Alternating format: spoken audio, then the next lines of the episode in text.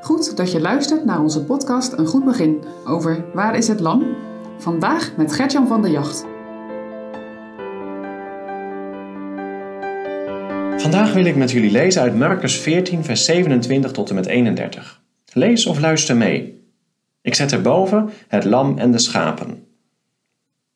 En Jezus zei tot hen: Gij zult in deze nacht allen aan mij geërgerd worden, want er is geschreven: Ik zal de herders slaan en de schapen zullen verstrooid worden. Maar nadat ik zou opgestaan zijn, zal ik u voorgaan naar Galilea. En Petrus zei tot hem: Of zij ook alle geërgerd werden, zo zal ik toch niet geërgerd worden. En Jezus zei tot hem: Voorwaar, ik zeg u, dat heden in deze nacht, eer de haan tweemaal gekraaid zult hebben, gij mij driemaal zult verloochenen. Maar hij zei nog des te meer: Al moest ik ook met u sterven, zo zal ik u geen zins verloochenen.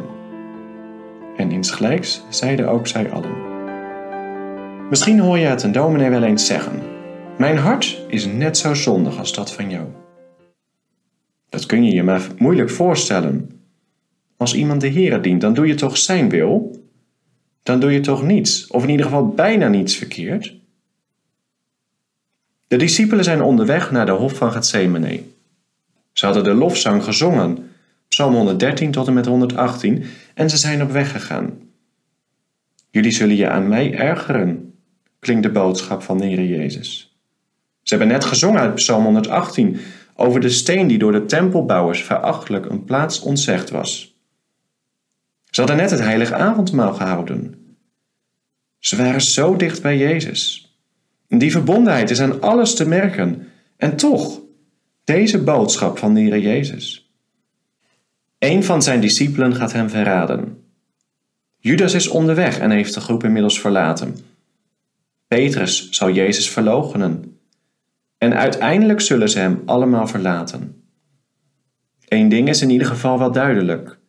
Ook zijn meest trouwe discipelen zijn zondige mensen. Dat wordt hier pijnlijk merkbaar. Petrus ontkent het en hij zal die woorden gemeend hebben. Dit zou niet gebeuren, daar was hij van overtuigd. Dit Bijbelgedeelte leert ons vooral twee dingen. De ontrouw van ons als mensen en daartegenover de trouw van God. Want hij laat zijn kinderen zien, als je mij verlaat, ik zal u nooit verlaten. Al doe je nog zoveel zonde, ik ben de trouwe zaligmaker die je zaligen kan die je zonde vergeven wil. Nog even terug naar de opmerking van de dominee. Of beter naar het Bijbelse voorbeeld van Petrus zelf. Als nu zelfs een oprechte discipel de Heer Jezus verlogent, hoe zit het dan met iemand die onbekeerd is? Ja, dan is het nog veel erger. Dan verlogen we hem niet drie keer, maar ons hele leven. En die zonde is groot. Denk daar echt niet makkelijk over. En toch, toch heb ik een boodschap voor je. Weet je voor wie Jezus straks zijn leven geeft? Voor mensen die Hem verloochenen en verlaten. Verlogen Hem niet langer, beleid Hem al je zonden, al je onwil. En nee, zelf zul je nooit een volmaakt mens worden.